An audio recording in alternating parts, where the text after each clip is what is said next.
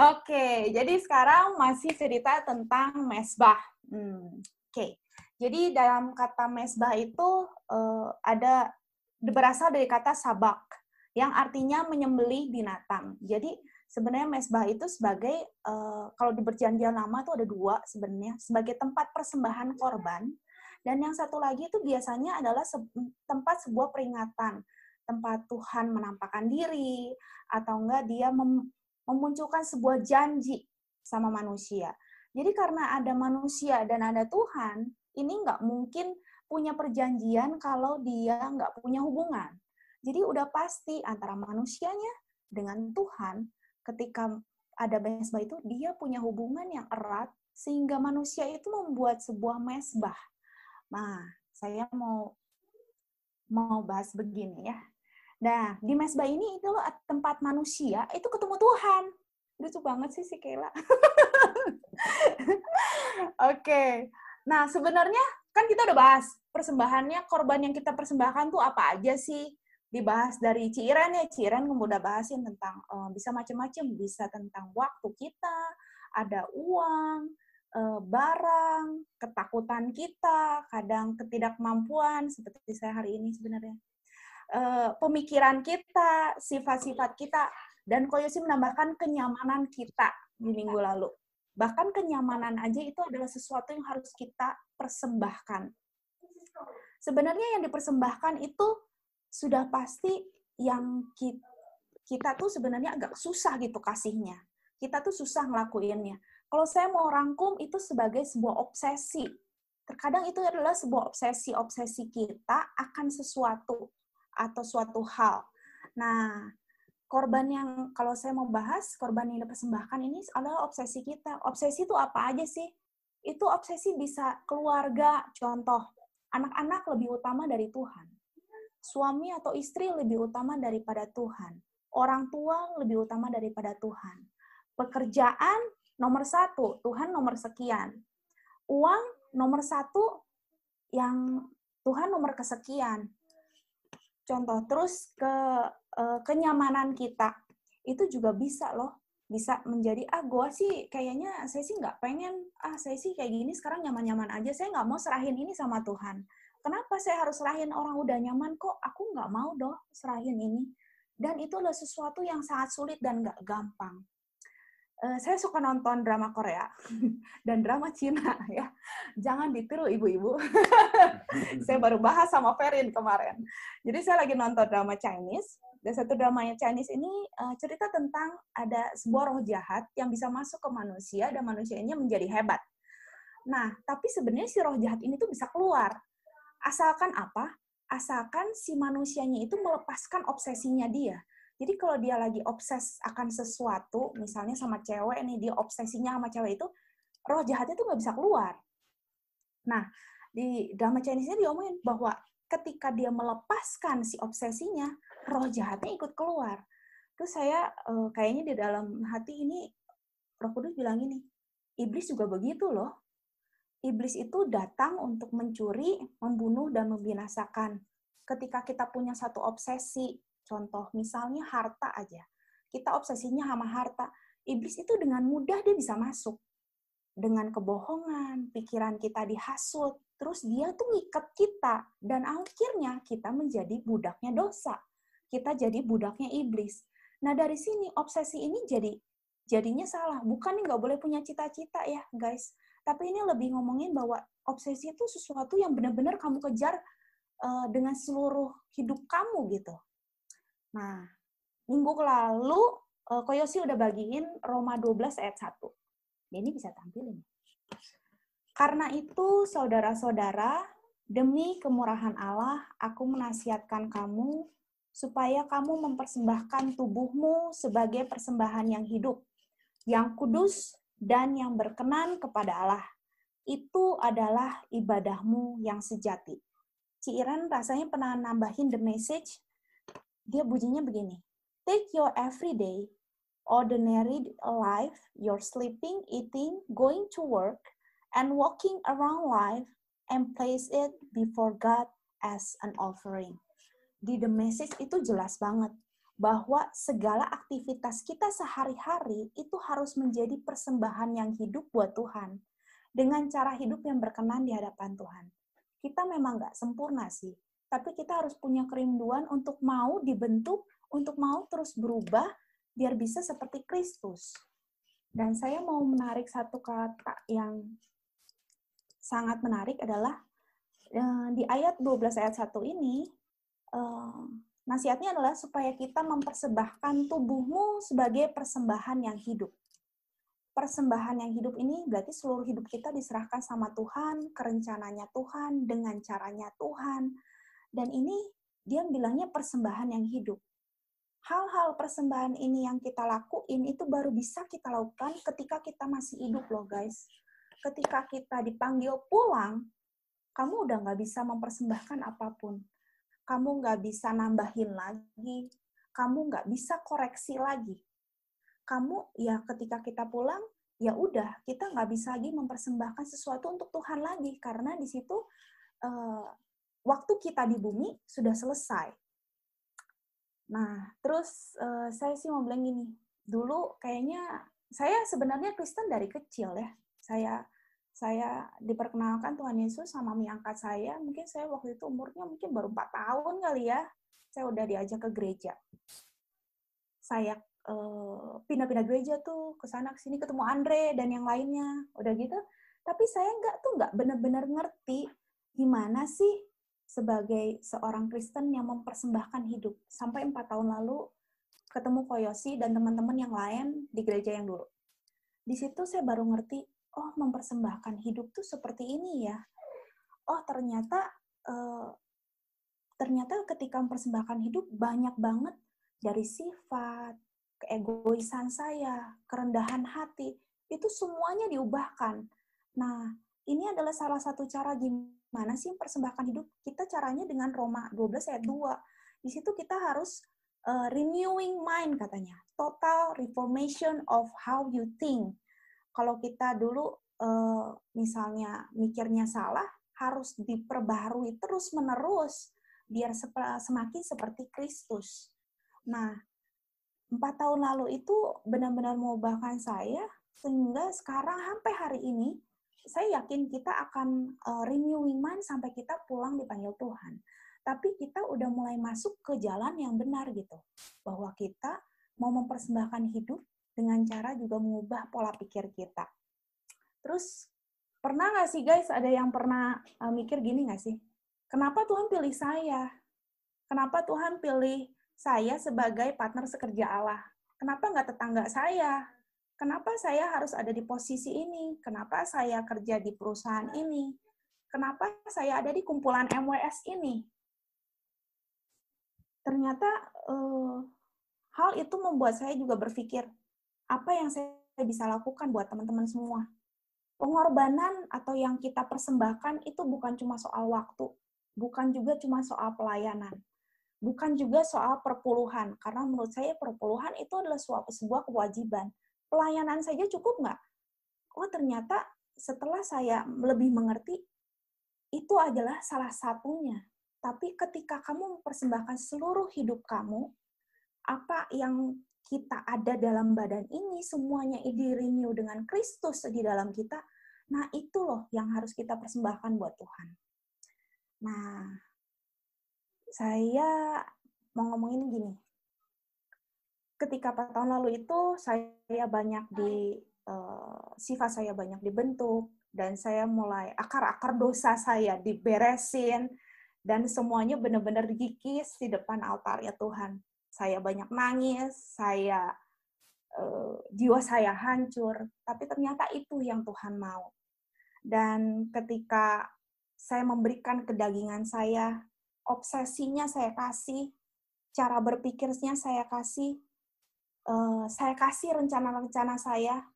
Padahal saya itu planner banget. Kerjaan dulu juga WO ya. Jadi kalau besok mau ngapain saya udah tahu deh. Oh besok pagi mau begini, begini, begini saya udah atur gitu ya. Tapi kalau dengan uh, saya menyerahkan semua sama Tuhan, kadang pengaturan saya jungkir balik gitu ya. Dan itu nggak gampang. Nggak gampang sih betul. Tapi uh, kalau saya flashback, oh saya sungguh bersyukur kalau dulu saya dikikis Tuhan seperti itu gitu. Kalau saya diajar Tuhan seperti itu. Dan hal yang benar-benar membuat saya membuka mata saya bahwa uh, ayo dong, Kemon Tia, kamu sekarang harus benar-benar sungguh-sungguh sama Tuhan adalah gini. Semua tahu ya, dua tahun setengah yang lalu koko saya dipanggil pulang dengan secara mendadak. Kalau yang belum tahu, uh, koko saya dipanggil pulang dua setengah tahun yang lalu di bulan Agustus itu mendadak sekali dan cukup heboh di Bandung karena koko saya lari pagi dan dia jatuh dan langsung meninggal. Saya waktu itu posisinya baru punya Kelly. Waktu itu saya punya Kelly baru 10 hari rasanya, 9-10 hari. Saya baru melahirkan, jadi saya baru mendapatkan sebuah kelahiran dan 10 hari kemudian saya keluarga kami mengalami uh, sebuah kematian yang harus kita hadapin. Koko saya uh, nggak disangka, kita semua nggak ada yang prepare, jadi hari itu benar-benar saya masih ingat suara telepon itu, saya masih ingat fresh banget teleponnya. Saya duduk di meja ini, saya angkat telepon, cici saya nangis-nangis, teriak-teriak, saya teriak-teriak sama Denny gitu, saya masih ingat semuanya. Dan ketika hal itu terjadi, saya tahu saya nggak bisa tanya Tuhan, kenapa? Kenapa koko saya? Kenapa keluarga saya? Dia pelayan Tuhan kok. Saya nggak bisa nanya begitu, karena saya tahu rencana Tuhan di atas rencana saya. Sedih mah sedih banget sih. Terus, um, yang nemenin saya hari itu, Koyosi sama Iren temenin saya. Dia sampai datang ke rumah saya.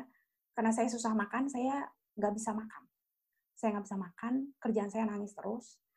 Ciran waktu itu di rumah dia bilang begini, Tia, um, tanya ya benar-benar sama Tuhan. Tuhan mau sampaikan apa melalui kejadian ini. Hari-hari uh, memang berat banget dan itu nggak gampang. Kalau saya nggak dalam Tuhan, sangat sulit untuk melewati hari-hari itu. Terus saya ingat sih, Koyosi waktu itu, uh, karena saya dalam masa nifas 40 hari, karena baru melahirkan 10 hari, saya tuh nggak boleh ke Nana Rohana. Jadi saya hanya bisa kena rohana itu hanya boleh malam sebentar. Jam 6 sampai jam 8 malam, after itu saya harus pulang. Jadi kebanyakan saya tuh di rumah. Kalau ibu melahirkan ngapain kerjanya pompa udahlah ya. Saya hidup dengan pompa. Kalau pompa ngapain banyaknya bengong, saya nangis, bengong, nangis gitu. Nah, ya Tuhan Tuhan mau ajarin apa, ajarin apa. Terus lagi kena narohana, koyo sih waktu itu nanya begini, Tia, ada hal yang ngeganjel nggak yang kamu belum beresin sama Koko? Saya waktu itu sebenarnya kurang bisa mikir, jadi saya rada ngeblank. Jadi saya jawabnya nggak ada kok. oh ya udah bagus kalau nggak ada katanya. Tapi uh, ketika di rumah gitu ya, banyak merenung karena saya banyak sendiri. Uh, keluarga semua di Nanarvana, saya sendiri di rumah, banyaknya bengong gitu ya, ngelamun.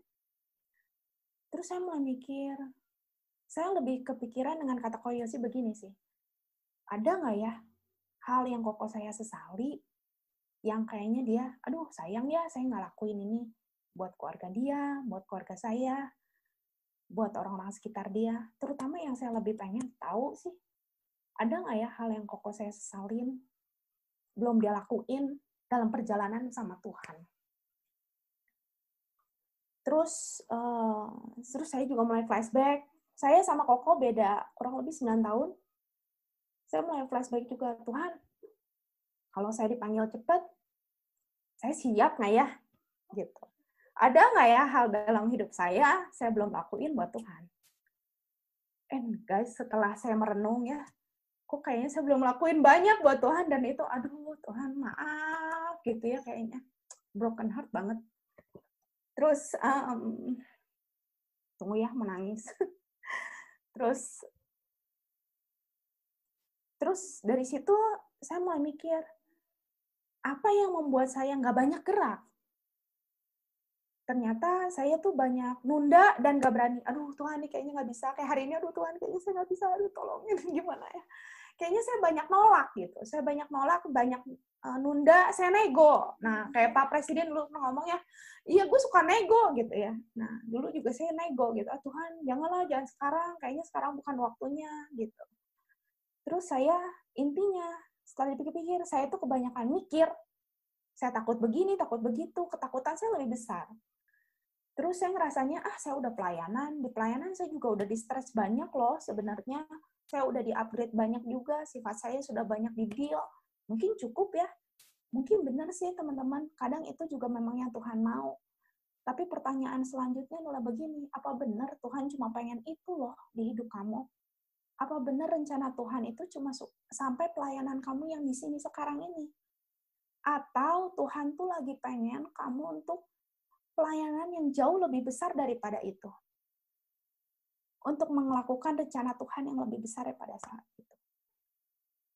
Kita ini, kalau saya cewek, rasanya saya ibu rumah tangga lah ya. Walaupun ada beberapa yang kita juga kerja. Ya paling ngapain sih yang ngurus rumah lah mungkin orang bisa bilang, kan saya mau pelayanannya tuh di rumah lah gitu ya, buat orang rumah, buat anak-anak, buat suami, itu pelayanan saya. Pertanyaan selanjutnya adalah begini, benar nggak sih Tuhan hanya mau kamu melayani rumah kamu doang? Bagaimana kalau ternyata hidupmu dipakai untuk rumah orang lain? Gimana kalau ternyata hidupmu dipakai untuk hidup orang lain? Biar dia ketemu Tuhan loh. Terus ada lagi mungkin bisa bilang gini, ah pelayanan saya itu di tempat kerja. Atau ada yang bisa bilang gini juga, pelayanan mah ya di gereja, di tempat kerja mah ya beda lagi, hidup juga beda lagi. Nah, dari ayat yang tadi Roma 12 ayat 1 bisa dibilang gini loh. Ternyata tuh nggak begitu loh. Kita nggak mengotak-ngotakan, oh saya kalau di sini rohani, di sana saya nggak rohani. Oh saya di sini ikut Kristus, kalau di sana saya nggak ikut siapa ya. Nggak begitu loh itu kadang kita menyadari bahwa Roma 12 ayat 1, oh ya saya ngerti lah, tapi tuh kita nggak benerin masuk ke dalam tubuh, jiwa, dan roh, pikiran, dan hati kita loh. Kadang kita mikir bahwa, oh ternyata untuk di tempat kerja doang saya bisa uh, mengatakan bahwa saya lagi pelayanan. Tapi ah, saya nggak mau pelayanan di gereja, itu bukan urusan saya. Itu urusan dia. Ternyata di mana pun, ke mana pun kamu pergi, ketemu siapa pun, itu adalah urusannya Tuhan, urusannya kerajaan Allah. Hari ini cuma mau ngajak teman-teman untuk berpikir berbeda, untuk riset lagi. Eh ternyata ke mana pun kamu pergi, apa pun yang kamu lakukan, itu tuh kamu lagi membawa Kristus ke mana pun kamu pergi. Saya mau bilang ini, kita membatasi Tuhan yang tidak terbatas karena kita mau nyaman, kita membatasi Tuhan yang tidak terbatas dengan pemikiran kita yang terbatas. Ke mana pun kita pergi, kita harus membawa Kristus. Jangan dikotak-kotakan. Seluruh diri kita, ke mana pun kita pergi, kita harus bawa Kristus. Kita harus nyatain kita ini kepunyaannya dia, dan dia hidup di hidupnya kita. Selama kita masih dikasih kesempatan, masih kasih nafas, masih bisa melakukan segala sesuatu aktivitas, persembahkanlah seluruh hidupmu untuk Tuhan. Jangan sia-siakan itu. Efesus 5 ayat 16 dan 17 bilangnya gini. Pergunakanlah waktu yang ada karena hari, karena hari-hari ini adalah jahat. Sebab itu janganlah kamu bodoh, tetapi usahakanlah supaya kamu mengerti kehendak Tuhan. Waktu itu very limited, guys aku mau bilang waktu itu very limited. Buat koko saya 42 tahun, di tengah kita yang sekarang lagi pandemi seperti ini, sepertinya eh, banyak teman saya merasa ketakutan. Aduh, saya hidup berapa lama lagi? Hidup dalam ketakutan. Dan mau bilang, waktu itu memang cuma sedikit. Dan kita mau ngelakuin yang untuk uh, harta kita di surga, apa mau cuman begini doang di dunia gitu. Lakukanlah dari apa yang kita bisa, apa yang kita punya, tapi lakukan itu dengan segenap hati. Selidiki betul hati kita, apa sih yang kita bisa. Apa benar nggak ada lagi yang bisa kita lakuin? Kadang mungkin ada sih, oh ini mah mendingan gini. Tapi kayaknya, ah ini bukan bagian gue, biarin dia aja. Jangan gitu guys.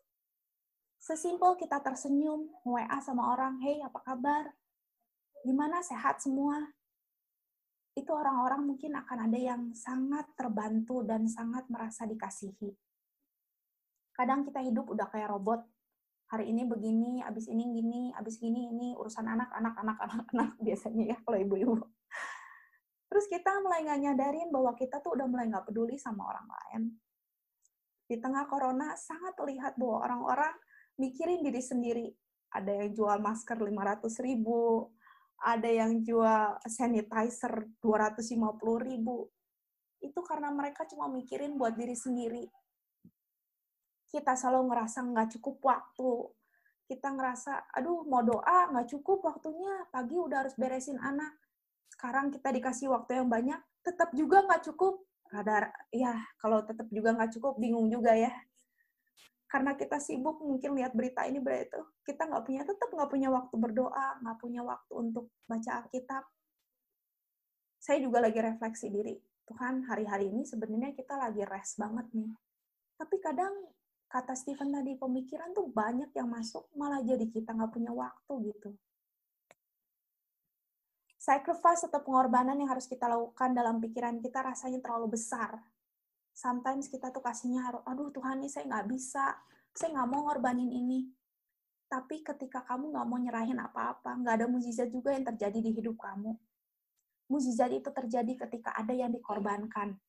Contoh lima roti dua ikan, anak kecil itu kasih. Apa yang Tuhan mujizat yang terjadi? Bisa makan, kasih makan lima ribu orang. Bahkan itu berlipat ya, itu kan hanya kepala keluarga So, guys, selagi kita hidup, lakukan dong please yang terbaik buat Tuhan. Jangan cuma fokus sama diri kamu sendiri. Karena itu namanya egois. Kejar yuk harta yang kekal.